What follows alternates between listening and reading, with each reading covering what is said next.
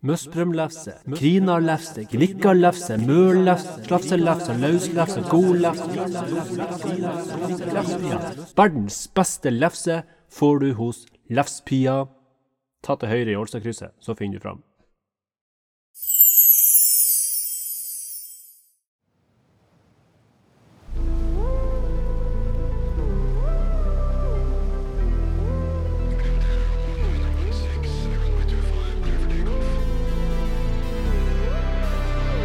Steigen. Prata mannskit.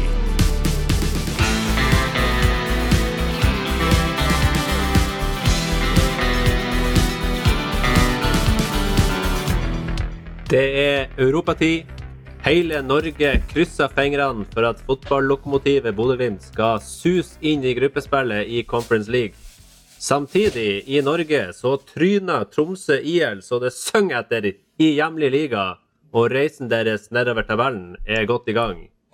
Mitt navn er Ruben Stensland, og med meg i studio så har jeg en sjelden vakker bukett med mennesker, som er som følger Dewey Blacksmith Hill. Hallo, hallo. Vi har quizman Pat på plass. Hei sann. Og så har vi kvinnen med mange navn.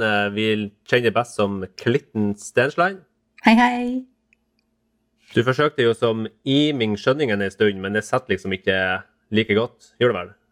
Nei, altså det er klart, det her vakre navnet som mamma har gitt meg med Klitten Stensland, det kan vi ikke la ligge. Vi må, vi må få brukt det. Ja, hva er det oppkalt etter, egentlig?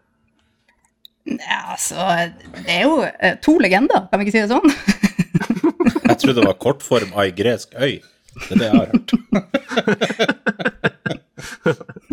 Ja, men uh, siden sist så har jeg faktisk fått en, eh, en fyr som kaller seg for Ole Kristian, som hadde en innsigelse på navnet ditt, uh, Klitten. Og vi skal faktisk uh, saksbehandle denne klagen, og så kommer vi tilbake til en konklusjon i passende tid med den, da. Så du får jo bare vente i spenning på, på den uh, behandlinga, da. Jeg gleder meg. Ja. Og så i anledning eh, at du er her eh, tilbake igjen, så kan vi jo eh, ta en liten recap på den på legenden Ravna, som eh, hadde et par saftige ord å si om det. Og vi kan jo høre på det her. Nei, unnskyld, Ravna. Klitten kan brenne i helvete. Og kan dø sakte. Jeg syns dere kan bli født på 1700-tallet og bli brent bedre levende på et Nei, bål. Det er fett du, Det heller! du, du, du, du, du, du, du, du, Ravnis. Nei, det er klart, man kan jo ikke, altså det er jo ikke så mange andre fora jeg får sjansen til å bli kalt et eh, fetthull på åpen, eh, for åpen mikrofon, så eh, jeg har jo gleda meg veldig til å komme tilbake. Ja, og det som er fint, er jo at vi har jo ingen sånn her en Vær varsom-plakat i vår pod, så her kan alt uh, sies. Og hvis det er lov å komme med en liten kritisk bemerkning til hele utskjellinga, så tenker jeg jo at det sier noe om eh, vel noe om eh, å overlate seksualundervisninga til Coop-en i Leinesfjorden når du sier 'klitten, ditt fetthold'. For det Sorry, det er feil. Ja, ja det er anatomi eh, 101 som eh, Ja, Ravna er vel kanskje ikke den eh, fremste eh, eksperten på akkurat Hjem og det, det området. Han er like glad i alt, tror jeg. Ravna. Ja da. Han er kroppspositivist på sin hals. Og så må vi jo si at Ravna er ikke her for å forsvare seg, og det er jo veldig bra. Det tror jeg er lurt. Jeg hadde jo nemlig tenkt å synge tunnelsangen for han, men eh, jeg får jo ikke sjansen når han ikke er her. Nei da, men eh, det kan jo hende han kommer tilbake igjen hvis han tør. Men eh, det har, jo, det har jo skjedd ting siden sist vi møttes, og du, kan ikke du dra oss tilbake? Vi må jo faktisk helt tilbake til Armenia og kampen mot Punik. Ja. Punic, Kan du ja. Punic? Jeg husker ja. det. Jeg har nesten glemt av ah, det der Punic-greien, må jeg innrømme. Fordi at eh, det var liksom Vi hadde jo vi hadde 3-0 å gå på fra hjemmekampen. Og så skulle man ned, og vi har jo prata så mye om hvor farlig det her var med disse, disse varmegradene og eh, lang tur og høydemeter osv. osv. Eh, og vi hadde jo møtt Kalmar i en treningskamp tidligere. Eh, og de tapte jo begge kampene mot det her laget. Så, og vi, vi spilte vel uavgjort mot dem på La Finca, eller hva det heter. Så vi trodde vel at det her kunne by på problemer, men det viste seg jo at eh, vi spilte kanskje årets mest kontrollerte kamp og vant 3-0 borte på 1000 høydemeter og i 32 varmegrader. Så vi må vel kunne si at det var en meget godt gjennomført eh, europakamp av Glimt. Ja, det virker jo som at Punic eh, egentlig var de som sleit mest med både det ene og det andre der. Ja, man kan vel godt si det. Og så var det jo Det var litt artig med det laget, fordi vi hadde jo hørt på forhånd at de også skulle være ganske sånn robuste, voksne mannfolk. Og, men, men i de her kampene mot Glimt så syns jeg faktisk det var Glimt som framsto som det mest fysisk robuste laget. Vi liksom Patrick Berg bølla både den ene og den andre ut på sidelinja omtrent, og Gulliksen tok for seg. Og, så det, det, var, det var litt eh, artig å se.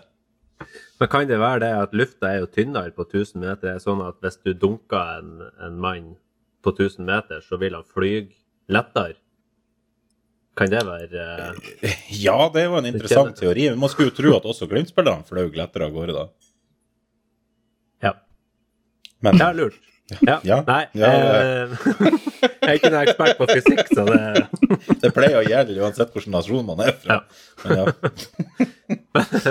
Men eh, ja, det var jo en kamp som eh, vi neppe vil huske Eller vi husker den ikke nå engang, men vi vil neppe huske den i framtida.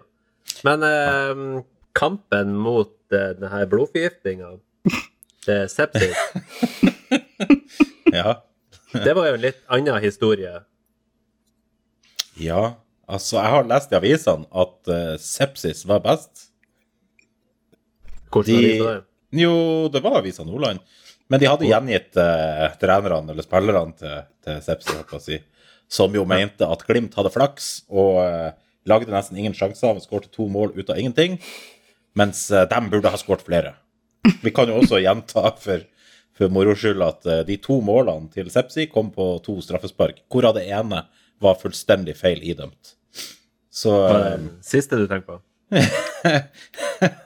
Jeg husker ikke hvilket av det var, men den, den ene var jo helt ubrukelig å dømme straffe på. Altså, det var jo ikke kontakt omtrent. Det var en som slenger seg og er på vei ned i bakken før han er borti Glimt-spillen. Så Men det var jo jo, eh, bare piss. ja. Ja, altså La oss ta den der siste situasjonen. For vi har jo snakka litt om VAR her i poden podden før, og det er jo, det er jo andre folk som snakker om VAR òg, må, eh, må jeg vel innrømme. Mm. Men altså, her dømmer altså dommeren straffe. Eh, De stiller seg opp, klar til å ta straffen, og da skal han begynne å sjekke inn på VAR-rommet. Og jeg vet ikke hvor lang tid det tar mens de skal stå der og kikke på hverandre, han Haikin og straffeskytteren. Ja, og, og Haikin blir jo irritert pga. det her. Så Ja, han begynner å mase på dommeren. Ja. Ja, og, og, og hva skjer da? Jo, da var det varsjekk over, og det blir straffe. Ja, men han, han fikk gult kort. Ja, han fikk gult kort også, ja. Stemmer det. Ja, for Og et, straffe imot. ja, for et opplegg. Ja. Kanskje hvis Nikita hadde roa ned litt der og bare sett han an, så kanskje det ikke har blitt straffe. Jeg aner ikke. Men eh, heldigvis så blir det ikke samme dommeren i returoppgjøret, så da slipper vi han. Ja. Men det er fortsatt var. Men uh, Hva du ja, det er fortsatt. det er fortsatt var. Ja, jo da. Nei, er det Jo, playoff, ja. Stemmer. Ok. Men, men eh, jo, sånn ellers om kampen, så syns jeg jo egentlig at, at, at Glimt gjør en, en OK kamp. Men ja, den andre straffen som vi får mot oss, er jo kløneri, holdt på å si. Dem, sånt bør man jo kunne unngå. Men ellers hadde jeg inntrykk av at Glimt var bedre. Eh, men eh, det er mulig det er fordi jeg er fra Bodø og ikke fra Som jeg ikke husker hva det heter, men det var ungarsk for et eller annet. Fra Sepsi by, holdt på å si. Ja. Men ja, det var jo eh, Det her ballinnhavet var jo enormt i Glimts favør, men uh, Pette, hva i all verdens navn og rike som skjer med presisjon til eh, Glimt-spillerne uh, ute i kampen der? Da, da er jeg faktisk ikke riktig person å spørre. Ok. Nei, eh, jeg fikk ikke sett det hele kampen. Jeg var litt sånn uh, fram og tilbake. Eh, men det, det jeg så som jeg syns eh, var annerledes i forhold til den Punic-kampen, det var, var jo at eh, jeg syns jo at det var ruff, mer rufsete spill. Det var, det var lite presisjon, og ja, man fant jo ikke det, det gikk ikke så, så eh, ja, strømlinjeforma som, eh, som vi liker å se Glimt. Men eh, som sagt, jeg fikk ikke sett alt. Jeg var litt eh, av og på. Men, og jeg er jo Akkurat. litt Du, men jeg, du, var Al, du og Albert Grønbæk i dag. Ja. Men er vått gress en god nok forklaring på hvorfor man mister presisjonen i så stor grad? Jeg spør. Eh, I så stor grad vet jeg ikke, men det er jo en forklaring. Det er jo sikkert litt av forklaringa. For det, det er jo vann... Altså, ei våt gressbane oppfører seg jo litt annerledes enn ei våt kunstgressbane. Ja, det er vanskeligere å beregne sprett og sånne ting, og, og hvordan ballen forflytter seg. Så det er mulig at det skulle ha litt å si, men at det skulle ha så, så mye å si. og det burde ha kommet seg utover i kampen, men jeg syns ikke vi ble sånn her fryktelig mye bedre med ball etter hvert som tida gikk. Så, så jeg syns det var litt sånn merkelig uansett. Men uh, Vi jeg skulle jo gjerne hatt eh, legenden Ravna til å forklare oss litt om vår pressmåte og hvordan det, hvordan det fungerer. Men uh, det får kanskje bli denne gangen. gang. ja, det får, får det. Får det. Men hva, Men vi, jeg tror- hva, hva vi tenker om den returkampen, egentlig, da? Ja, jeg, jeg tror at Glimt kommer til å kjøre over det her laget i returen. Eh, når det er sagt, så, så skal man jo ikke være cocky, på en måte. Men jeg mener at det ikke er cocky. Det, det er rett og slett bare en sånn realistisk eh, syn på hvordan ting kommer til å gå i returen. Eh, jeg tror vi kommer på det vante kunstgresset på Aspmyra, og eh, der tror jeg rett og slett at eh, der kjenner Glimt banen såpass godt og Sepsi banen såpass dårlig at det vil ha litt å si. I tillegg til at Fordi- jeg tror Glimt egentlig er et bedre lag. Men de her Sepsi-karene, de var jo, det var jo litt sånn eh, amerikansk fotballtakter. At de her eh, forsvarsspillerne deres var mer quarterbacker som bare kjøla ballen eh, framover i banen og håpa på det beste. Virka det jo som. Ja. Altså Hvis Glimt får det her kombinasjonsspillet sitt og sett eh, også framme, at de får det til å gå litt fort i de fremmede rekker, så tror jeg jo de her forsvarsspillerne her kommer til å være ganske sjanseløse. Eh, og de er jo vant til at de sikkert kan eh, sklitakle litt og, og sånn, men gjør du det på det her kunstgresset, så kan det jo gå både den ene og den andre veien. Så jeg er litt spent på å se hvordan de takler underlaget, og hvordan de takler et Glimt som er på sitt vante underlag. Så Og så er vi vel eh, velsigna med at det blir eh, ordentlig høstvær, endelig, på Aspmyra. Um, så vidt jeg vet. Ja, så det må- litt regn var det. Ja, det var litt sånn eh, 11-12 grader, tror jeg. Det, Så det blir- er jo det blir nydelig. Nydelig. vær. Ja. Og så må vi jo håpe at eh, Altså, jeg opplever jo at Kjetil Knutsen har jo sagt helt fra liksom første kvalifisering at vi må ikke undervurdere motstanderen, og vi må huske, og folk ikke klar over for et bra lag det her egentlig er, og sånn, og så har allikevel Glimt klart å få det ene europeiske laget etter det andre til å se ut som en slags bedriftsgjeng som jogger rundt og gjør så godt de kan, men så jeg håper, jeg det var et, et hakk opp fra det, kanskje, men jeg håper og tror at vi skal være overlegen på torsdag. Er det for breialt å si? Blir alle sinte? Nei, jeg syns ikke det. Men det er et lite forbehold her, og det er at det kan bli en ordentlig ekkel kamp hvis Sepsi får det første målet. Å, herregud. Ja, Sepsis er alltid ekkelt.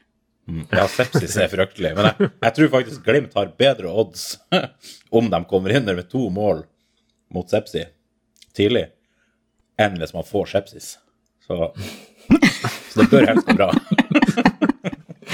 Ja, vi må jo sette ting litt i, litt i perspektiv. Det, blodforgiftning er alvorlig, altså. Det, Ja. ja. Men eh, tror dere at Glimt kommer til å forsterke nå eh, for høsten? Kommer de til å hente spillere? Det begynner vel å nærme seg en viss uh, deadline-day her?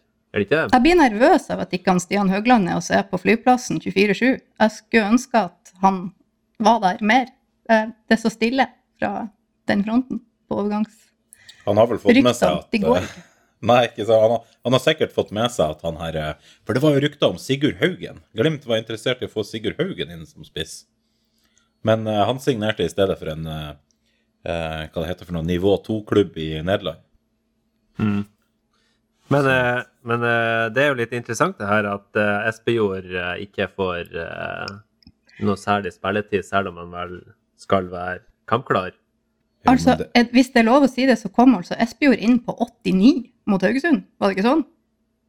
Jo, det var jo eh, Man skulle jo tro at de skulle eh, spare noen spillere, men Ja. eh, men, Vi leda 3-1, og Mhm. vi bytta likevel ikke en hel gjeng som både kunne ha trengt å hvile seg, og som kunne ha trengt å få kamptrening. Ikke noe Espejord inn, ikke noe Adam Sørensen. Ikke, altså, jeg, og jeg må understreke at jeg stiller ikke spørsmålstegn ved Kjetil Knutsens uh, geni, uh, fordi jeg har jo ikke peiling, men jeg, jeg spør for å lære. Hvorfor kom Espejord inn på 89? Jeg tror vi alle har noe Ja. å lære her. Ja, altså, jeg vil jo også se Daniel Bassi uh, få spilletid og få lov å spille sitt Varmen. altså eh, Absolutt. vi, vi må vel kanskje konkludere med at Kjetil Knutsen vet, eh, vet noe han driver på med. Eller? Absolutt. Ja, altså, han vet jo hva han driver på med, det er det jo ikke noe tvil om. Men samtidig så, er jo, så må vi jo tro at alle, hos alle mennesker, så er det rom for å lære nye ting. Og eh, selv, om, selv om Kjetil Knutsen antagelig har en kompetanse på fotball som er over eh, 99 av resten av verden, eh, så er det jo fortsatt ting i fotballen. Fotballen er et, et svært og komplisert spill, og det er fortsatt ting i fotballen og hvordan man skal få ha, behan- eller styre et lag, som sikkert Kjetil Knutsen også kan lære, lære om, holdt på å si. Men, eh, men eh, når det her er snakk om spiss inn, så må vi vel kanskje anta at det er der de jobber med nye spillere. Men eh, er det andre posisjoner som vi burde ha forsterkninger på?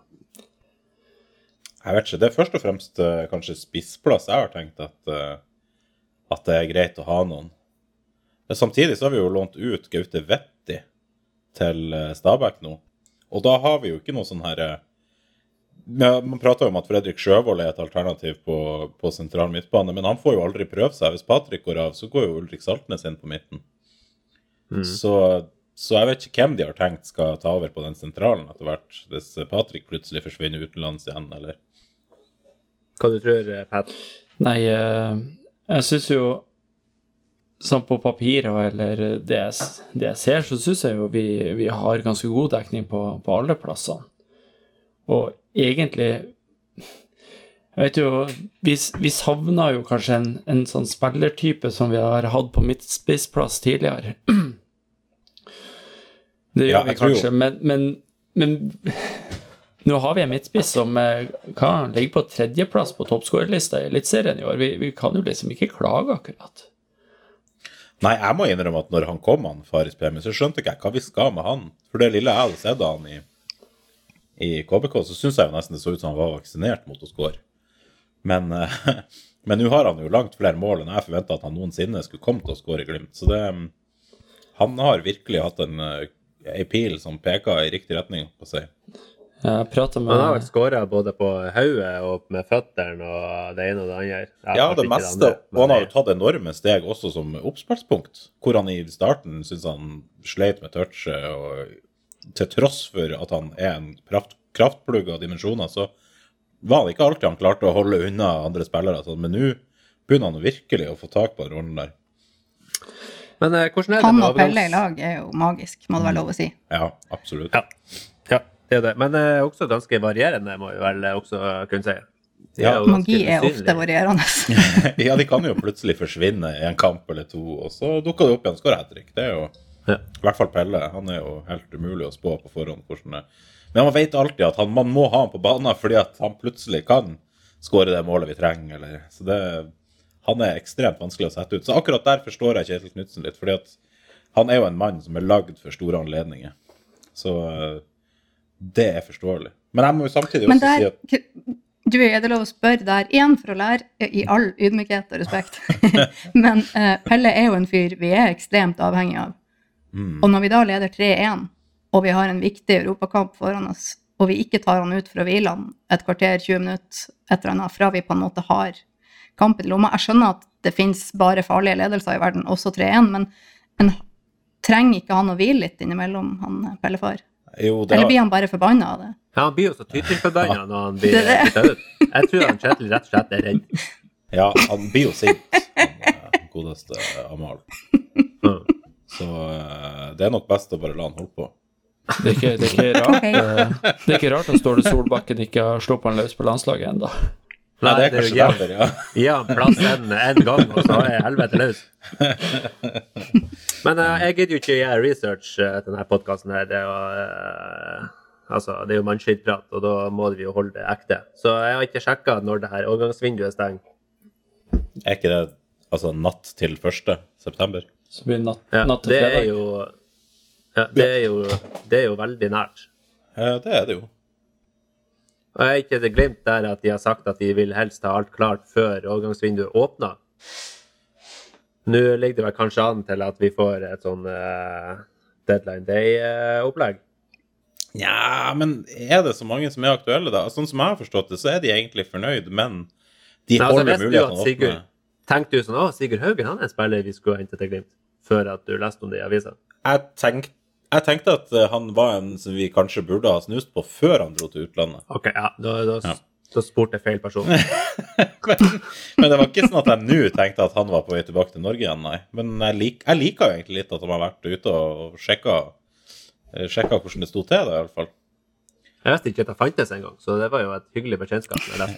ja, ok, ja. Men, men det som jeg tenker, og som Glimt Jeg vet ikke om det er Frode Thomassen eller Håvard Sakariassen eller hvem det er Glimt som har uttalt det, men jeg vet jeg har hørt det en plass, at de sier at uh, de er ikke ute etter noen flere nødvendigvis i dette vinduet, men de er alltid ute etter noen hvis muligheten byr seg. Altså hvis det er noen de har på denne eh, lista si som plutselig det viser seg at akkurat nå kan den eller den spilleren hentes. Men det er nå vi har muligheten. Da kan det hende de hiver seg på den. Men de kommer ikke til å liksom sprenge banken for å hente noen nå som uh, som de ikke har scouta, eller altså sånne ting, så vidt jeg har skjønt. Nei.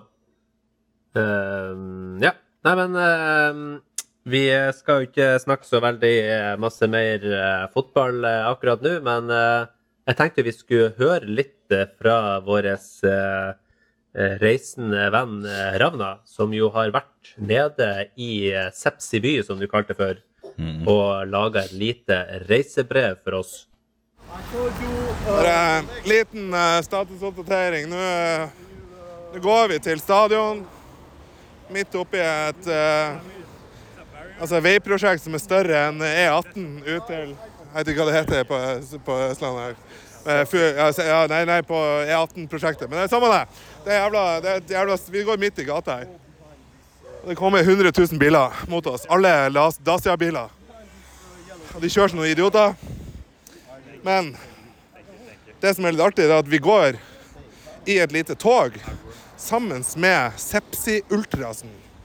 Og det må jo være, sies å være litt artig. Og nå har en av, eh, en av gruppefølgerne fra, fra Vesterålen Han spurte om det var lov å fære piss i gata. Han spurte om det var lov å fære pisse i gata, og det har han eh, Nå utfører han det han spurte om. Ja, no, I'm recording the sound. Og så går vi sammen med en politimann fra Romania. Han er en politimann.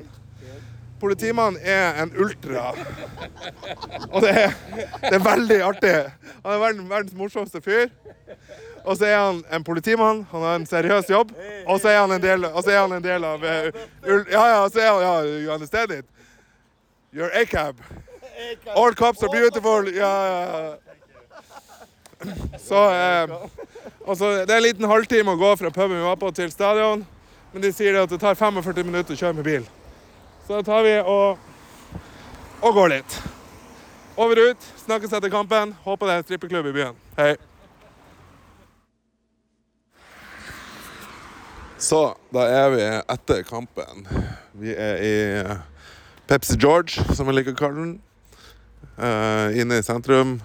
Var, uh, vi gikk uh, tilbake fra stadion, og da var det jo noen røvere som sa ja, det er bare å gå, det er 20 minutter å gå, det er ikke noe problem. Så endte jeg opp med at det var 50 minutter å gå fra den fucking stadion. Så jeg ble jo, beina mine er jo knust. Jeg har ikke gått så mye siden jeg var speider i Jeg har ikke vært speider, hvem har lura? Jeg, faen, jeg ikke ja, Uansett, det var fett langt å gå. Kom til puben. Uh, alt var mørklagt, for strømmen her slås visstnok av uh, på kveldinga. Vet ikke hvorfor. Men uh, ja, det er helt, mørklagt. Så vi satt der med stearinlys og, og lunka øl på puben her. Og etter hvert så begynner jeg å bli sulten. Og nå er jeg ute i byen på en liten jakt etter noe å spise, for jeg er fette sulten. Og, men det er jo faen ikke noe mat å oppdrive her. Det er jo, det er jo en liten pissby, men en jævla fin by. Det skal de ha. Skal vi gå? Vi går litt lenger opp. Uh, hele byen her er jo Det er jo en spøkelsesby. som sagt, veldig koselig by. Veldig fin by.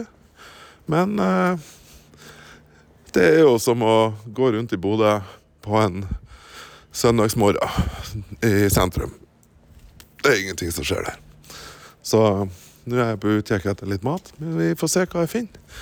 Kanskje jeg drar ut etterpå, jeg vet ikke. Vi får se. Jeg har litt, eh, fått, fått den lille berømmelige duppen etter kampen. Tre timer uten alkohol. Det gjør noe med en person. Det vil si at jeg blir edru. OK, da har jeg fått meg Eller, jeg har ikke fått meg noe mat. Jeg har kjøpt noe mat. Jo, jeg har fått meg mat, for jeg har vært og handla på en uh, uh, hva skal jeg si, døgnåpen eh, matbutikk, som var det eneste som var åpent her i Pepsi George. Og da uh, Men det var jo ikke døgnåpen. Selvfølgelig ikke. For den Den, den fant jeg faen meg hotellet òg. Det var helt nydelig. Um, de hadde da stengt fra klokka 11 til ti over tolv. Så jeg måtte stå der i et kvarter og vente på at de skal åpne igjen. Uh, og så fikk jeg kjøpt meg et brød med skinke og ost. Uh, og ei 7up free. Så nå skal jeg tilbake på hotellet og lage meg ei brødskive til nattmat. Det er da statusen på mattilbudet her i byen på natta. Og det tror jeg blir det siste reportasjen fra Pepsi George. For jeg orker ikke å dra på puben igjen. Og de sitter og drikker lunka pils. Det gidder jeg ikke. Jeg skal lage meg mat. Jeg skal kose meg. Kanskje eh, se noe på se, Gå inn på Twitter, kose meg litt der. Se hva som har skjedd. Det har vært noe drama. Vet ikke. Det blir alt fra Pepsi George. Siste reportasjen herfra. Snakkes. Mus, mus. Glad dere alle. Jeg har Glimt. Hei. Hitten med glitten, eller var det omvendt? Ok, eh, Sasha Boré er jo på en velfortjent eh, ferie mm, i en, eh, en ukjent verdensdel. Eh, sannsynligvis jobba meget hardt med Omar El Abdelawi-sangen, som jo sikkert er klar til neste episode. Regner vi med. Og i uh, hans uh, sted så har vi jo fått inn en uh, vel så briljant musiker i det, Klitten Stentland. Oi, oi, oi, det er store ord. Jeg må jo, Tusen takk for øvrig. Det er en enorm ære, ikke bare å få være med i denne briljante podkasten, men å få lov å være Sasha sin vikar. Det er jo så man kan få frysninger og angst samtidig. Men det er veldig, veldig stas. Og jeg må innrømme at jeg må ta dere med litt grann, bakover i eh, tid. For eh, dagens um, Sasha, hva det er han? Han sier Sasha gir oss en sang, selvfølgelig, mens jeg har hit med klitten. Så det er jo eh, to forskjellige spalter, men samtidig må vi jo knytte de her sammen etter det beste evne. Så når jeg hørte Sasha sin fantastiske Bris Wembangomo-hyllest med Kjetil Stokkan sin uh, melodi, så gjorde jeg en liten nerdeobservasjon, nemlig at uh, nå forsto jeg plutselig hvor DDE fikk E6 fra. For jeg tror jo at Kjetil Stokkan sin låt kom først, er det ikke sånn? Jeg tror det er han som er moderskipet til den eh, melodien. Eh, og DDE er sterkt inspirert. Kanskje de til og med, kanskje de til og med er en slags eh, hommage, men hvis ikke, så Så ja, jeg fikk i hvert fall behov for å prøve å teste Sasha sin tekst på DDE sin udødelige sleger eh, E6, og se om ikke vi kunne hylle Bris Wembangomo enda en gang. Eh, Nå var det vel landslagsuttaket vi hylla han for sist, og i morgen klokka ett er det ikke da vi får vite om han tas ut atter en gang. Så hvis vi er heldige, så er det her sinnssykt høyaktuelt, og hvis vi er uheldige, så er det en stor skuffelse. Men vi kan uansett feire at vår kjære Bris Wembangomo har signert eh, ny kontrakt og blir i Glimt en stund til. Mhm. Så det kan vi feire med eh, den strakeste bris. Da han landa i Bodø i går,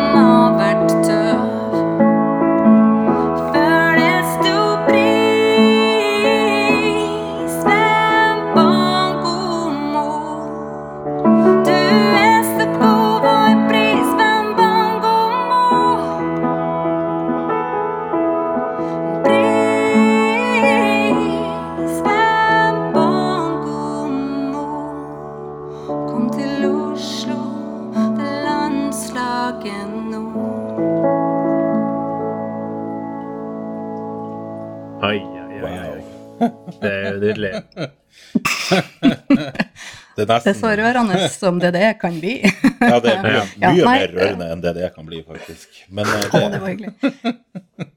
Hjertelig takk. Men jeg gir meg jo ikke her. Eh, Når jeg er så heldig at jeg har fått lov å overta Sasha-spalta, eh, så blir det en til liten hiten med gliten. Eh, Fordi jeg lærte noe nytt på denne ukas Studio Glimt-podden. For øvrig en fantastisk, eh, nydelig live-episode med Erlend Osnes og full pakke. Det var veldig, veldig gøy. Eh, og der eh, snakka de litt om bakgrunnen for eh, 'Dette er Aspmyra', som jo jeg syns er fantastisk effektivt og herlig slagord som, som er vel så gøy å synge på bortebane som på hjemmebane, ikke minst. Og, og han Erlend fortalte litt om historien til det, og ikke minst at det da står Det er jo han som har skapt det her, og at det da står i i spillertunnelen at det er det siste spillerne ser før de går ut på banen, er 'dette er Aspmyra'. Det er jo eh, Man får jo gåsehud bare man snakker om det. Mm. Men Mås- Måsehud. eh, så fortalte de jo Ja, måsehud! Faen, det glemte jeg måsehuden! Er det beste uttrykket som fins. Måsehud. Men så lærte jeg og da en fun fact eh, via Studioglimt-poden at eh, han Håvard Sakariassen egentlig ville at det som skulle stå der, det siste spillerne skulle se før de går ut på banen, er 'her kappes kuka'. Og det Sånt blir det låt av, enten Ja, man vil eller ikke. Ja, og i serien Høyaktualitet, for ikke bare er det her direkte da linka til ukas eh, Studio Glimt-episode, men han Håvard Sakariassen, denne vidunderlige hedersmannen av en praktfull mann, han har bursdag i dag. Oi! Så det er klart, da Ja, ikke sant. Så da må han få en låt. stund. I innspillende stund Ja, eh, ikke sant. Dette er et veldig godt poeng. Jeg glemmer jo at vi ikke har en masse At ikke de fem lytterne våre faktisk hører på oss akkurat nå. I hvert fall. I innspillende stund når han har bursdag, han fortjener en OD. ode. Så her kommer en kort ode til sak. Her kappes kuka. Og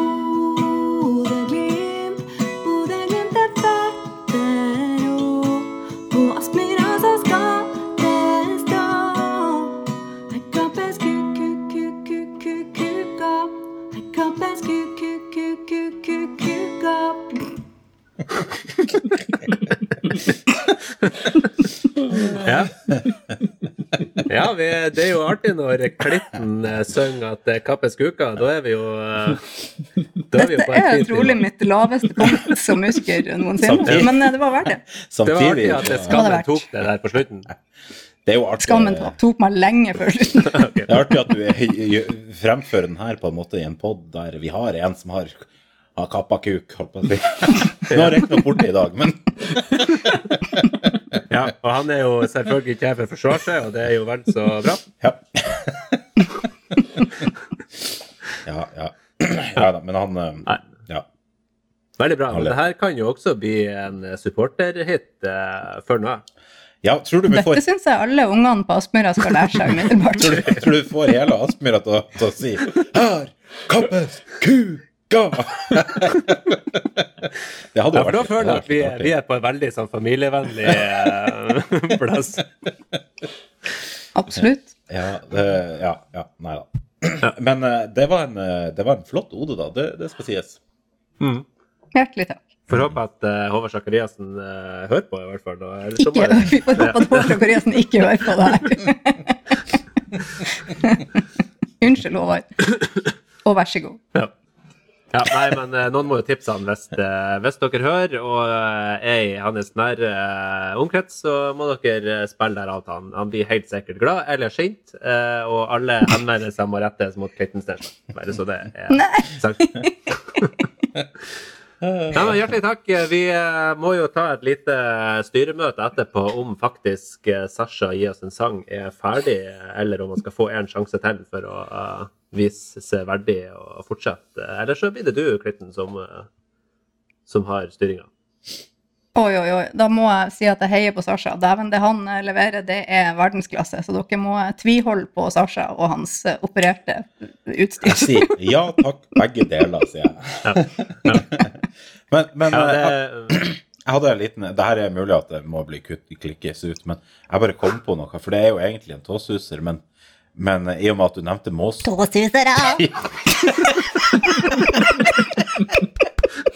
I og med at du nevnte den her, eh, den her gode måsehuden, så kom jeg plutselig på at vi, Har du hørt om hva man skal gjøre hvis man får måsehud på kuken?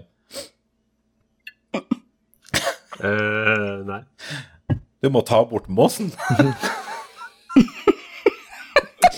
okay. ok. Sorry. Nå har vi sunket lavt, men eh, vi kler det. Ja. Ja, det er ingen, eh, Nei da. ingen nivå er for lavt. Uh, jo, det der var kanskje litt lavt. Men ok. Hva er neste? Ja, det blir, det blir easter egget. Det, det er det Jeg er bare glad jeg fikk sjansen til å si tåsusere, for det er det gøyeste jeg vet. Det var veldig bra tåsusing.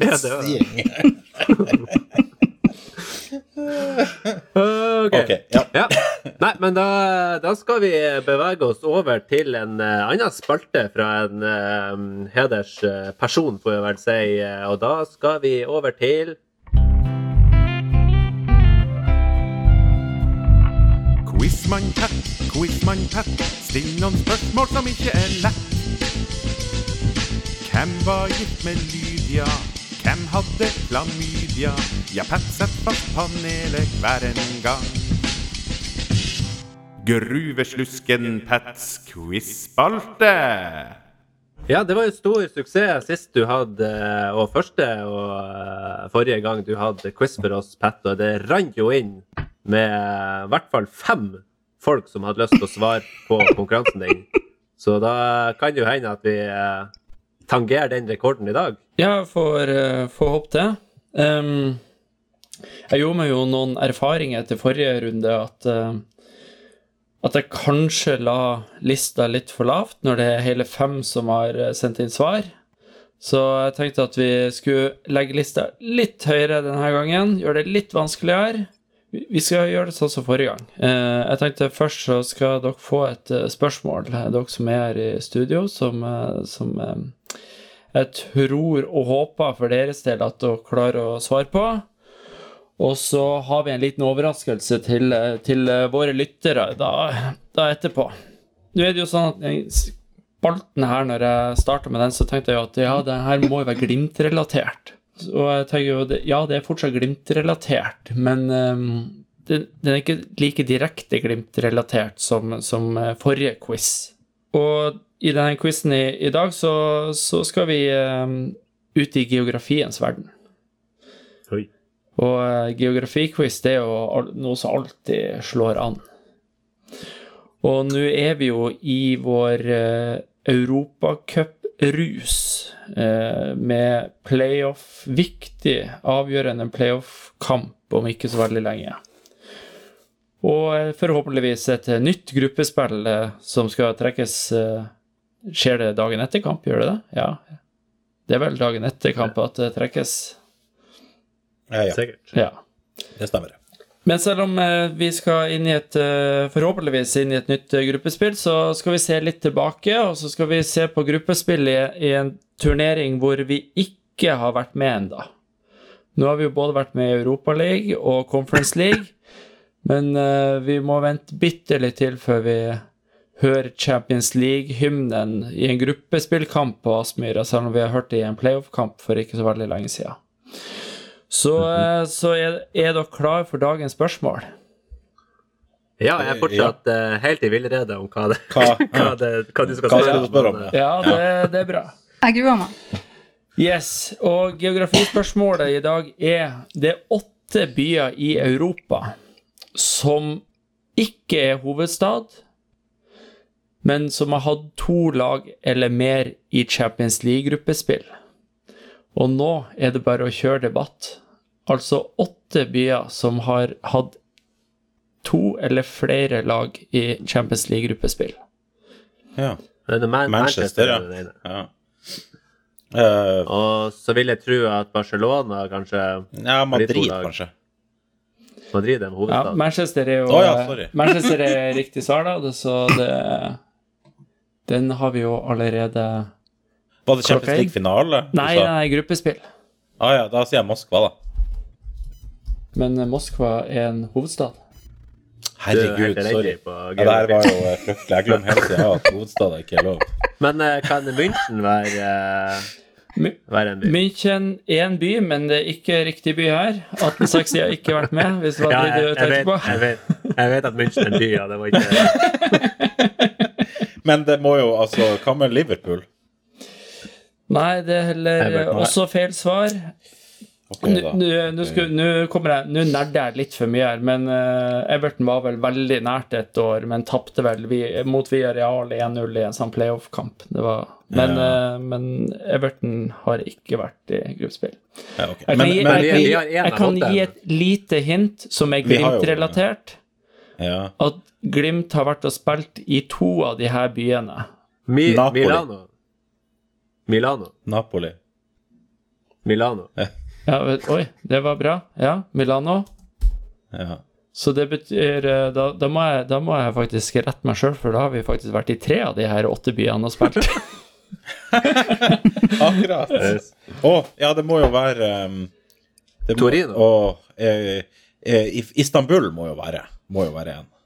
Istanbul er korrekt. Ja. Kan du nevne alle eh, lagene som har vært med fra Istanbul? Nei, altså, det noe, må nå være de her Hva, hva de heter uh, Er Galatasaray fra Istanbul? Ja, det er de vel? det er de. Og Fener, Fenerbakke? Ja, det er de. Uh, Besiktas, er de derfra? Ja, de er derifra. Ja, det var de tre jeg kunne fra, fra Istanbul. Ja, og så har de jo faktisk én klubb til som har vært i Champions League-gruppespill. Og det Ja, er eh, Erdogan-klubben. Istanbul Bashak Shehir. Ja, Basak Shehir, Ja. det stemmer. Ja.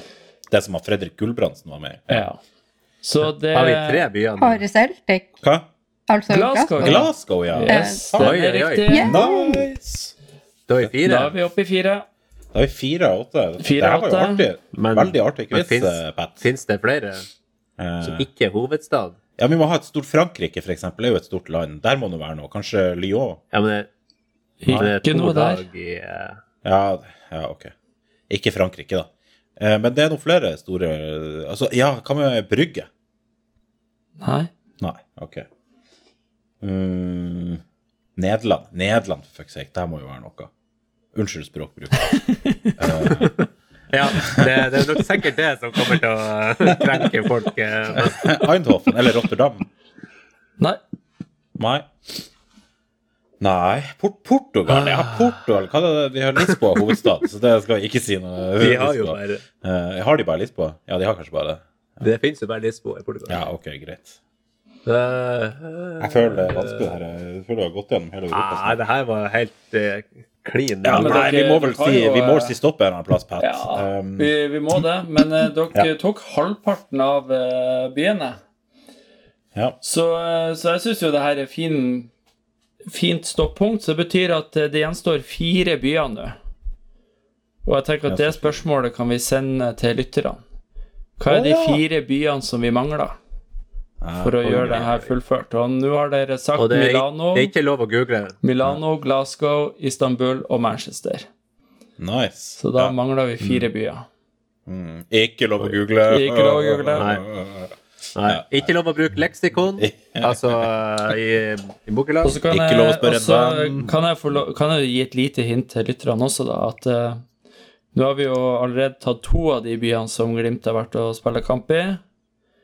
Um, men um, ja, de spilte jo egentlig de, Ja, de har jo spilt mot Besikta så for mange år siden, men, ehm, men det er én klubb til her. Eller én by til av de fire gjenstående. Men dere får ikke lov å si noe. Det er til lytterne. Ja, det er ikke Luhansk. Ja. Det er den stedet. Ja. Mm. Ja, det er ikke Sepsi by, eller Ok. Nei, men det, Men da- det er bra, bra quiz. Ja. Men da får Ruben eh, fortelle hvor folket skal sende svarene sine. Ja, svarene de skal jo som vanlig sendes uh, over mail, glimtistegen at gamer.com, eh, på DM på Twitter, eh, melding på Facebook, eh, og så har vi også lagt ut eh, postkasser på Coop-en i Lensfjorden, Coop-en i Nordfold, Coop-en på Leines, Bunnpris i Bogen, Joker Våg, Lefspia, Else Soase og på eh, Ninas dagligvare på Nordskott. Der kan dere også levere inn en Post-It-lapp dere må skrive riktig svar, eh, navn og adresse og telefonnummer. Eh, og så er dere med i trekninga. Nice. Det var vel kort, kort oppsummert. Enkelt og greit. Eh, Artent, Ja. Ja.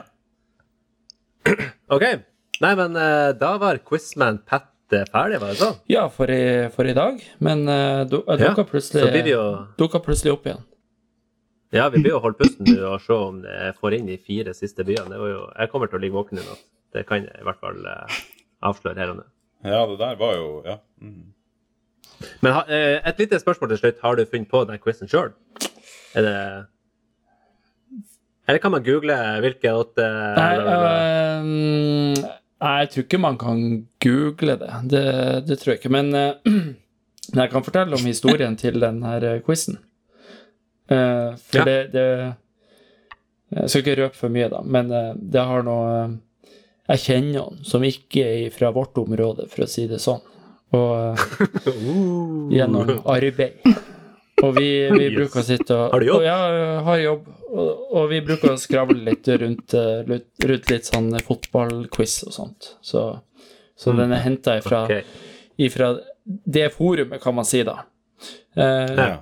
nå har vi allerede en av de andre personene i dette forumet. Han er, er fan av KBK, av alle ting. Og han sa til, i vinter, så sa han Nå har Kjetil Knutsen mista det. For når han trodde at han kunne gjøre fotballspillere Faris Pemi, da hadde han mista det. Så jeg skal, faktisk møte, jeg skal faktisk møte han eh, i overmorgen, så da skal jeg spørre han hvordan gikk det her med, Faris Pemi. Og hvordan går det med han eh, Christian Michelsen? ja. Nei, den var slem. Jeg tar den tilbake. Ok, nei, men da sier vi hjertelig takk, og så suser vi over til eh, kanskje en av mine favorittspalter. Det er Og i dag så må vi jo snakke om de andre lagene i Europa, for at eh, nå har det jo blitt en greie i norsk eliteserie at også andre lag skal eh, prøve seg på europaeventyr. Og da kan vi jo starte med de som prøver, men som tryner som vanlig. Det er Rosenborg som tapte mot eh, Hva var det het? Hjerta fra Skottland, eller noe sånt? ja. Hearts of Midlothian, eller hvordan du sier det. Aner ikke. Ja. ja. Det er vel også oppkalt etter ei bok av eh, en meget uh, kjent uh, skotsk forfatter som jeg ikke nå husker navnet på. Men jeg har boka Jeg har boka hjemme i hylla, Og, tror jeg. og han, er, han er veldig kjent. Uh, ja, veldig kjent. ok. Eh, men ja. eh, nei, det, jeg satt faktisk og så på den kampen, i hvert fall deler av den, og jeg må si jeg koste meg. koste meg enormt på slutten. For det var jo altså snakk om å få smake sin egen medisin i alle de år jeg har sett på Rosenborg. Og, og det, uansett hvor ræva de har vært, så har de i sånne her kamper så har de alltid skåret et mål på overtid. eller ikke sant? Man, hver gang man har fått et håp om at å, nå taper Rosenborg, så har de pinadø meg klart å skåre på overtid og utligna, eller helst vunnet, der man har trodd at de skulle avgi poeng. Men denne gangen så kom det noen deilige skotter og putta han inn langt på overtid. Og det var artig. Ja, Klitten, hva du eh, syns om Rosenborg? På generelt grunnlag. Ja, ja. På generelt grunnlag. Og når de skal spille i Europa. Ja, altså det er klart, Jeg må jo innrømme at kanskje i motsetning til Dewey, så var jo jeg eh, Jeg fulgte jo Rosenborg sin reise på 90-tallet og syntes det var stor eh, stas. Oh. At, eh, ikke sant? Så Og jeg syns jo også det var selvfølgelig litt vanskelig når de henta hver eneste gode spiller vi noen gang måtte ha i Glimt. Så jeg unner jo all verdens helvete nå. Men Der redda du det inn. Det var godt å høre. Yes. Ja, nei, så Rosenborg de er ute, heldigvis. Eh, Nå blir det jo ikke Europa til neste år heller, for de, for de ligger jo og kaver nå nede i bunnen. Og hva skjer med økonomien deres da? Kan vi håpe på RBK-konkurs innen januar 2024? Vi kan alltids håpe, men jeg tviler på at det blir å skje. Nei, men eh, jeg håper det siste som dør. Men vi kan jo Eh, Er det da Ranheim som tar over hegemoniet, eller hvordan funka det ja, hvis Kåre Ingebrigtsen Hvis- kommer og, og blir Det blir vel Levanger, for de har jo tross alt han Per Werner Rønning som trener. Ja, Ja. godt poeng. Men eh, la oss eh, bevege oss eh, mot det her laget som prøver seg i Champions League, som faktisk er kommet til eh, samme playoffen som Glimt var i i fjor. Ja. Molde mot Galatasaray. Der eh, ble de jo faktisk redda av en eh, trønder, må vi vel innrømme. Eh, ja, stemmer det. Det var jo han godeste Midtsjø som skårte et mål som er det Altså, av alle mål som Fredrik Midtsjø noensinne har skåra, så er dette det jeg har blitt gladest for. Det må jeg innrømme. Jeg tror, Ja, jeg tror også som- det er det enkleste målet han har skåra. Ja, det er vel kanskje det. Men det er ikke overraskende. Det er jo tross alt Molde de spilte mot. Og så var det jo litt spesielt at det var Martin Bjørnbakk som gjorde en skikkelig idiotjobb eh, i forkant av det målet der. Ja, det, her, det er nok, han har nok sterke følelser for Glimt ennå, og han vil nok helst ikke at Molde skal komme seg til Champions League, tipper jeg. Nei, han ser nok de lang, la- langtrekkende eh, konsekvensene. Ja, jeg vil tro det. Så Jeg syns han har lurt på det selfiebildet etter kampen. Ja, han var jo i meget god passiar der med, med en eller annen på, på Molde. Nei, på Molde, sier jeg. På uh, Galatasaray. Galatasaray. Ja. Mm. Men uh, du er jo en liten sånn Tyrkia-ekspert, eh, Petter. Jo, jeg er jo det. Uh, nu... Hva tror du skjer med Molde når de skal nå på bortebane? oh, de får bank. Ja. Det, Du er trygg på det? jeg er ganske trygg på det. Jeg, jeg var så heldig at jeg var nede i den heksegryta der eh, i mai og så kamp. Og Mm. så intenst stadionlyd, eller lyd fra tilskuere, har jeg aldri hørt i hele mitt liv. Det, det var sånn at Særlig- jeg måtte holde meg for Selv ørene. ikke på Aspmyra? Selv ikke på Aspmyra. det, Det er drøyt. det bare Ja, hvis vi får den der nye den nye låta vi ble introdusert til i dag, hvis vi får den på plass, så, så kanskje vi når sånne høyder. Men, eh, men jeg måtte faktisk eh, Det, det er ballene du må kappe for å nå de høydene. Ja, det er akkurat det. Du må inn i et, eh, et eller annet guttekor i Russland for å nå så høyt. Ja, Nei, okay. men Så vi er trygge på at Molde de ryker Ja, ut du vet eh, Det, det, det er jeg ganske sikker på, ja. Det, Men eh, brann mot våre eh, gamle venner AZ Altmar Alkmaar. Eh, hva var det som eh, foregikk der, da? Jeg Eh, hadde jo egentlig, jeg hadde egentlig lagt meg godt til rette for å uh, fli litt av Brann-fansen om at hvor enkelt det er å slå AZ Alkmaar i Conference League-sammenheng. Men uh, må vente litt til, kanskje. ja, det der var jo eh, altså, Men altså, det er jo veldig enkelt å komme med konklusjoner. Det er jo at AZ i dag kontra AZ eh, for to år siden, det er jo to forskjellige verdener. For AZ i dag er jo et synkende skip, mens AZ for to år siden var et knallgodt lag. Så det er jo egentlig ikke mer enn man kunne forvente at Brann spiller jevnt med dette laget her. Å ja. ja. Nei, jeg har slutta å følge med, fulgt, eh, med Aset Alkmaar eh, etter de 90 minuttene. eh. Altså, Håkon Evjen er jo ikke der lenger engang. Nei, det er han jo ikke. Nei. Så Nei, så det er jo et uh, ubetydelig lag. Men uh, tror du at uh, Brann går videre? Nei, jeg tror ikke egentlig det. Men det de spilte veldig godt nå i den kampen mot. Eh, men jeg tror AZ de trenger, de trenger bare å vite at oi, nå har vi kniven på strupen, så gir de nok litt ekstra. Og da, eh, ja Kvalitet kommer til syne, pleier de å si i en pod jeg pleier å høre på, høre på av og til. Og, får, får, jeg lov å um, får, får jeg lov å være litt, uh, være litt rebell? ja. Oi. Ja. Vi, vi har prata før om disse koeffisientpoengene i Europa. Mm. Og, og Ja. Norge gjør det ganske bra akkurat nå. Å holde Mm. det her så Bare selvfølgelig nå Ja, vi kan jo håpe at de for, for Glimt sin del at de andre norske lagene ryker ut, og at Glimt gjør det kjempebra og skaffer oss eh, resten av de koeffisientpoengene vi trenger. Men jeg, jeg tenker at vi må være litt realistiske, at vi kanskje må ha et Nå får vi jo Molde med inn i et gruppespill også. Men det betyr at sesongen om to år så kan vi ha to lag i Champions League fra Norge. Og det øker jo sjansene for, eh, for Glimt-gruppespill i Champions League betraktelig, hvis vi går rett inn i en playoff, istedenfor å må kvalle oss helt fra andre kvalikrunde og inn. Så sånn sett så, så heier jeg jo litt på de andre norske lagene òg, men det er fordi at jeg tror det gagner Glimt i det lange løp. Men da må vi jo også sjøl vinne serien, da, for å havne der. Ja, men det gjør vi jo. Gjør vi ikke det? Ja, OK. Om to år, ja. ja. Om to år, ja. Ja, ja, ja. Hvis Viking vinner i år, vet du, så da blir det et rotterace. Hysj, hysj, det er ikke lov å si. Jeg tenker sesongen er ikke lov å si. Det 2024. verste jeg har hørt. Det er den vi må vinne. Så går vi rett inn i Ja, det, er jo, playoff. det er jo greit å vinne i år Ja, ja, det er tenker jeg. Ja, det er best å vinne i år, er tenker jeg. For da, da vinner vi kanskje i 2024 også. Men eh, det, er jo, det er jo noen som ikke får lov å være med i Europa år etter år etter år. etter år, Og et av de lagene der er jo uh,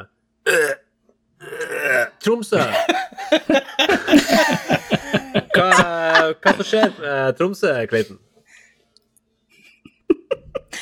Ja, Nei, jeg, jeg, jeg, hadde, altså, jeg må innrømme at jeg så jo ikke den kampen, for det er jo grenser for hva jeg har tid til. Uh, Ja. ja. Klitten er jo opptatt. men, men, den, men det er noe med at 4-0, hva er det slags ufattelig rakning som har pågått? Kan fotballeksperten opplyse oss litt om hva i all verden som Altså, skjedde? er, er det meg du refererte? Ja, jeg altså, jeg tror jo svaret er så enkelt som Altså, jeg, det her har jeg gått dypt inn i, gjort en ordentlig analyse, og jeg har ett svar, og det er rett og slett De solgte den uh, bodøværingen de hadde i stallen. Mm. Word. Ja. Preach, brother. Kasper Øyvand gikk til Molde, så nå kommer jo dessverre Molde sikkert til å kvalle til Champions League. Men, men eh, ja, nei, de solgte Kasper Øyvand, og da solgte de seg nok fra medalje også, tenker jeg. Så, eh, så Men det der, det der det har jeg behov for å snakke om, eh, som den kunnskapsløse personen jeg er. Hvordan kan Hva det er for at vi lar en Bodø-gutt gå til Molde når han åpenbart er såpass god? Jeg har skjønt, jeg har hørt analysene om at han kanskje ikke passer inn i en bakre firer, at han er bla, bla, bla. Men jeg, jeg skjønner ikke det. Og, og jeg skjønner også eh, argumentet det å være fra Bodø er ikke et argument i seg sjøl, men samtidig så syns jeg at det er det. Lokal tilhørighet er jo gull, og vi har begrensa med liksom toppnivåfolk fra Bodø, så hvorfor kaster vi oss ikke over han? Jeg tror rett og slett det er så enkelt så Eller enkelt, men uansett. Det, det handla litt om at på det tidspunktet der han var i Glimtsdalen, så var han ikke på et sånt nivå som gjorde at han fikk spille jevnlig på det øverste nivået. Og da var det bedre for han å gå til en eh, I stedet for å spille i tredjedivisjon eller hva det er med, med andrelaget, så var det bedre for han å gå til en klubb i andredivisjon. Eh, eller eh, Obos-ligaen. Jeg husker hvor Tromsdalen var da han endte opp der, men så gjennom Tromsdalen så gjorde han det jo godt, og så plukka jo Tromsø han opp, da. Eh, For de har jo, abonnerer jo på å ha de Tromsdalen-spillerne de vil ha i stallen. Det får de jo stort sett. Så da endte han opp Men, i Tromsø. eh, Ja, frem til dit gir det jo mening, men hvorfor kjøper vi han ikke nå? men det er altså betalt 20 millioner til Tromsø. Kunne vi gjort det? Kunne vi ha gitt de så masse penger?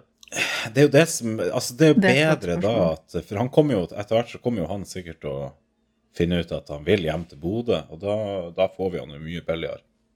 Mm. Det må jo være det. Jeg kan ikke skjønne noen annen grunn. Men det jeg syns var veldig artig med Tromsø-kampen, det er jo at eh, Tromsø-supporterne har jo snakka om den hengekampen. Om at eh, Tromsø er av poeng med Glimt, eller kanskje ett poeng foran Glimt når de bare vinner hengekampen. Og så får de jo muligheten til å spille den hengekampen, og hva gjør de?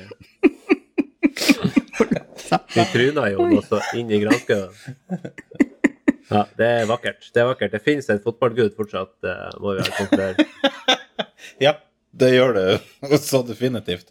Det var jo noe deilig, men jeg husker jeg, jeg bare Jeg fikk ikke sett den kampen, så jeg, men jeg så at uh, Tromsø lå under 1-0 til pause, så tenkte jeg det her snur jo garantert Tromsø, og tar det i andre omgang. Og så sjekka jeg igjen eh, to timer etter kampslutt, eller noe sånt, og da bare var det sånn Å, dæven! Sarpsborg vant 4-0. Det var deilig. Jeg er sjelden jeg har blitt så glad for en Sarpsborg-seier. Det, det var No need to be upset. Ja, ikke sant? Ja, for han var frampå Ja. igjen, ja. Ja da. Han skårer vel et av målene. ja. Men eh, ja, nei, men det er artig at Tromsø nå kollapser, og det blir jo aldri mer europaspill på de, og så blir det konkurs, og så eh, Alt er sånn som det skal være. Men da skal vi haste videre til siste spalte i dag, og det er faktisk eh,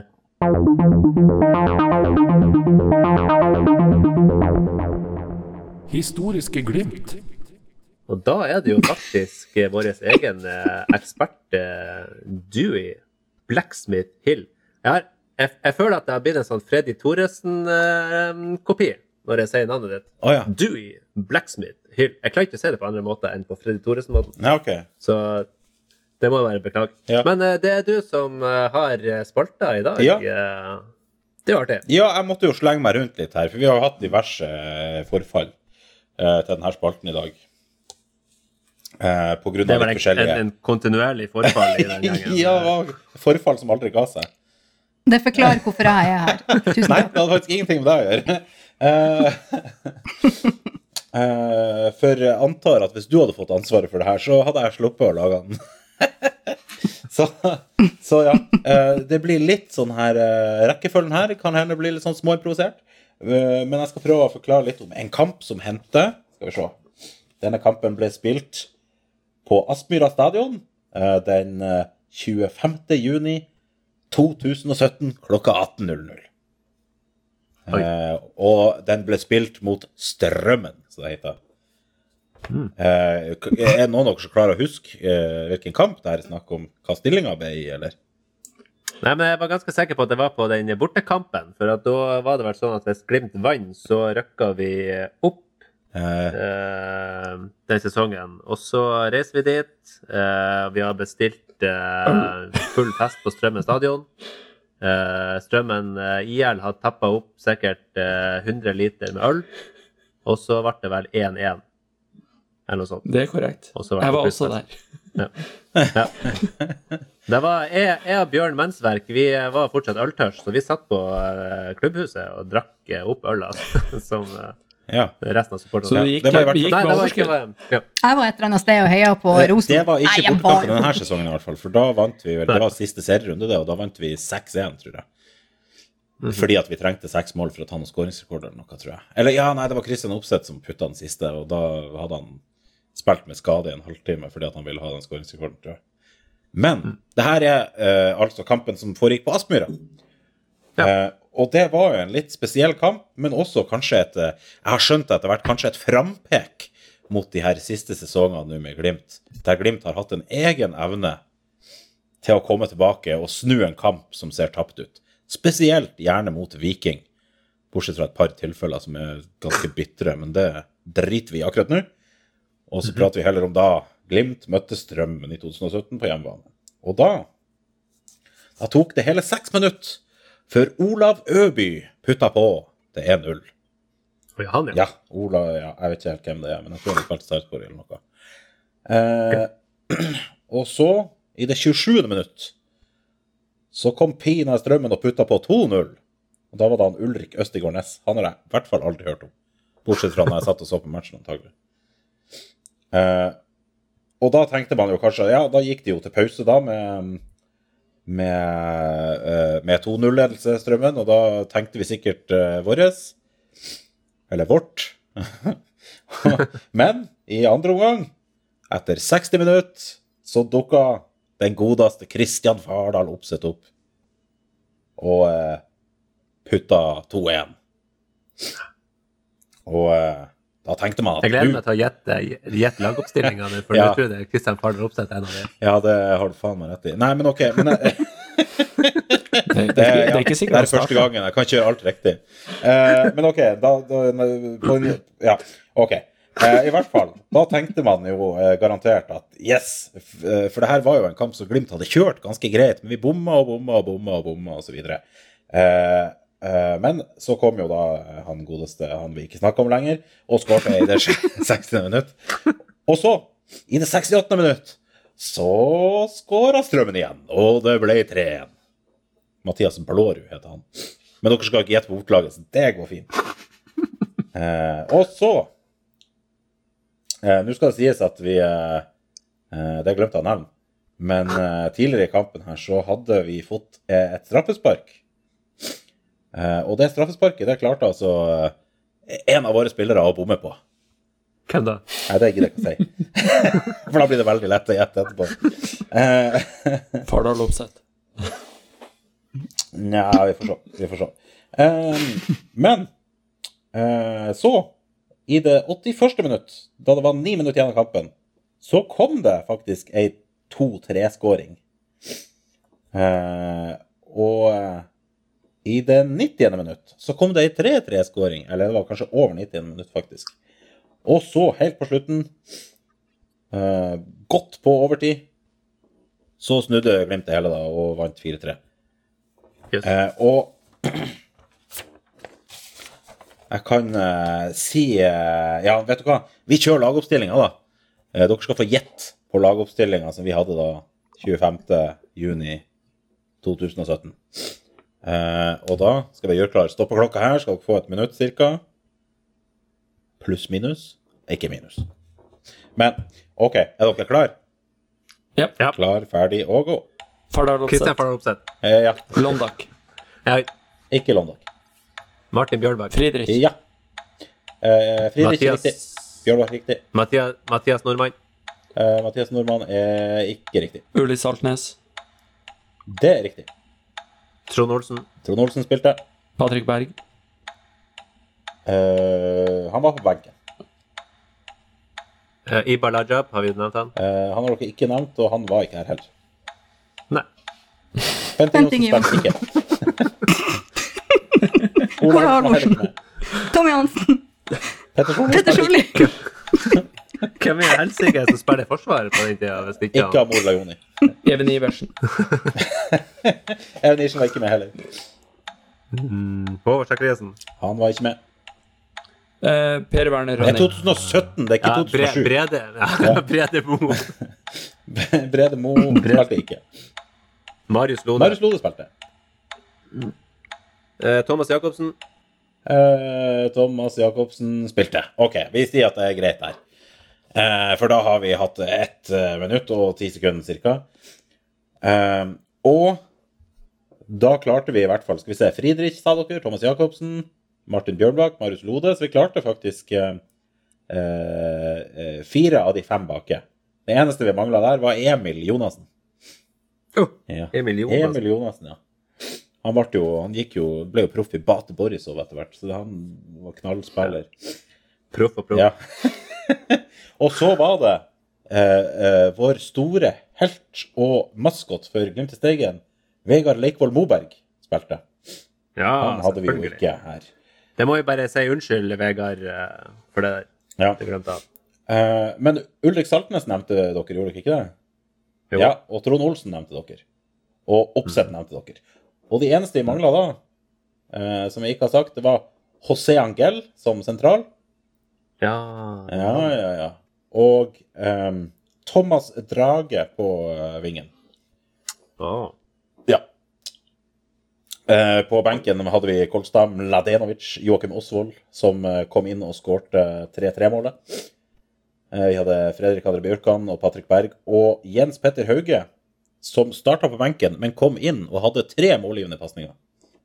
Mm, mm, og så var det Kachi. Uh, ja. Men det var jo tre Glimt-legender der. Du sa Mladenovic, eh, Osvold og Kachi. Ja. De har jo virkelig skrevet sitt navn med gull. eh, Gullskrift i Glimt-historien, ja. Ja. Det er sant. Eh, OK. Men i hvert fall, jeg starta da med fordi vi må jo ta noen utdrag her fra det som sto i avisen etter denne matchen her. Um, og eh, blant annet så står det jo det om um, om han godeste Saltnes at i første omgangen fikk han muligheten til å sende Glimt foran fra straffemerket, men den muligheten tok han dog ikke vare på. Strømmen-keeperen Tobias Trautner reddet forsøket fra Saltnes. Eh, men så står det videre at da han i andre omgang fikk en ny sjanse fra 11-meteren, var han ikke i tvil. Og så står det da sitatstrek her, da. Jeg syntes jeg hørte hele stadion mumle og var usikre da jeg gikk mot straffemerket. Men det er ikke tiden for å tvile, sier unggutten til an.no. For han var jo unggutt på denne tida. Ehm, så han var, helt, han var kald og fin der, og det skal jo sies da at her er mange minutter på overtid, så får jo Glimt da straffe på stillinga 3-3. Og det er den straffa Ulrik Saltnes går fram for å ta etter å ha bomma på en tidligere i matchen. Så går han fram på overtid på stillinga 3-3 og smeller inn eh, 4-3-skåringa, sånn at vi vinner kampen. Og det, da har vi to mål på overtid, altså. Em, og grunnen til at jeg mente jeg var et frampek, er at det er sånn typisk sånn her snu kampen helt til sluttminuttene, som Glimt har, har gjort en del da.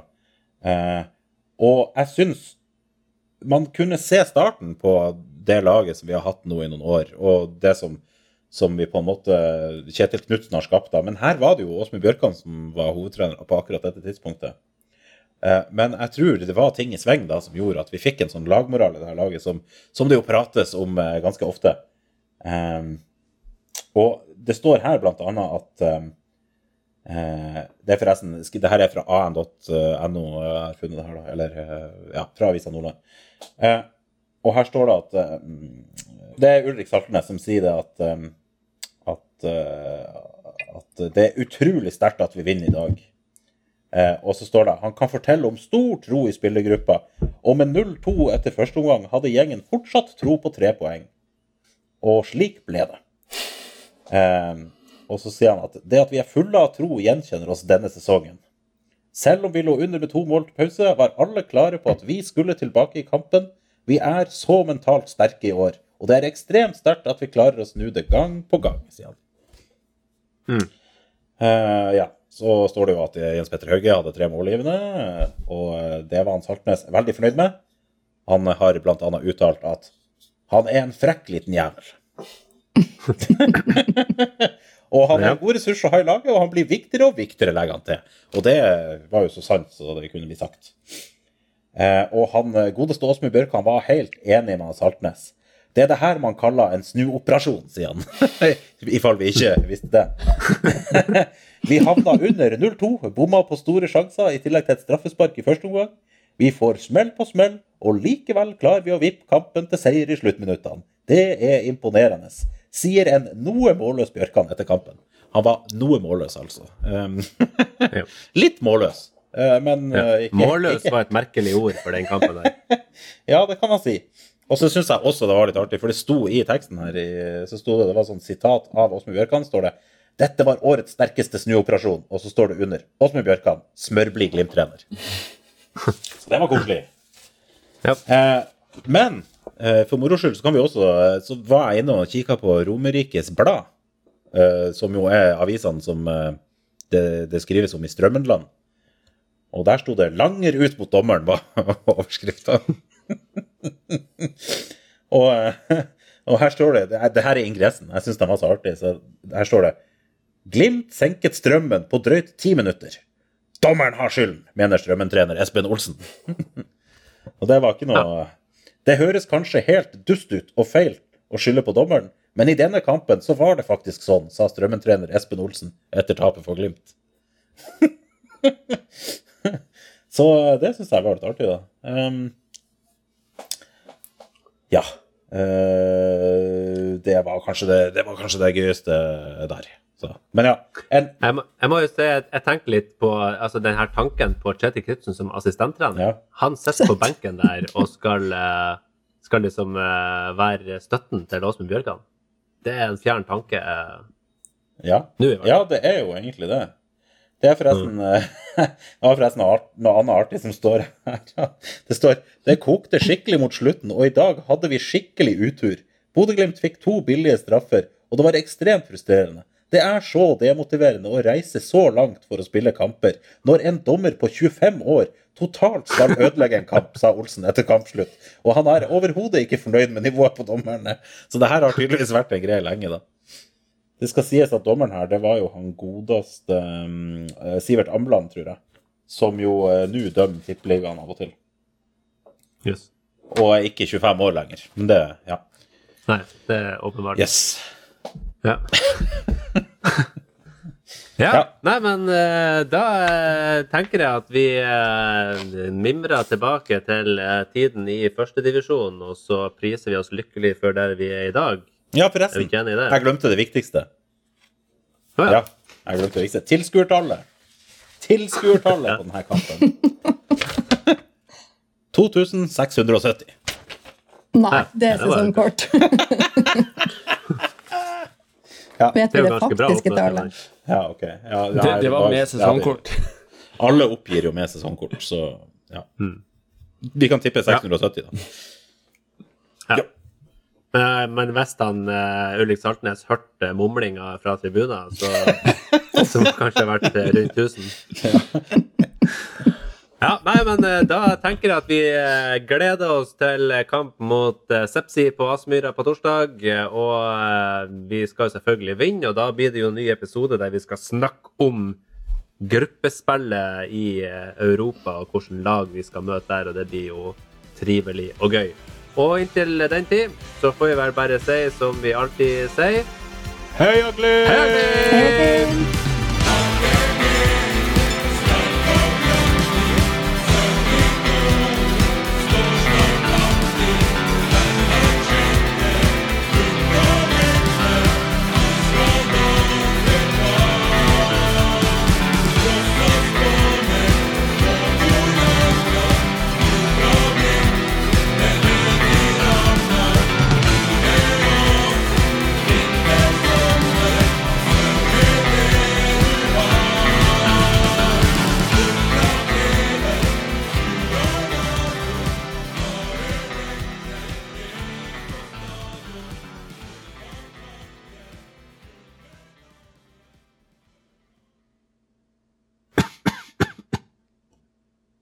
Heia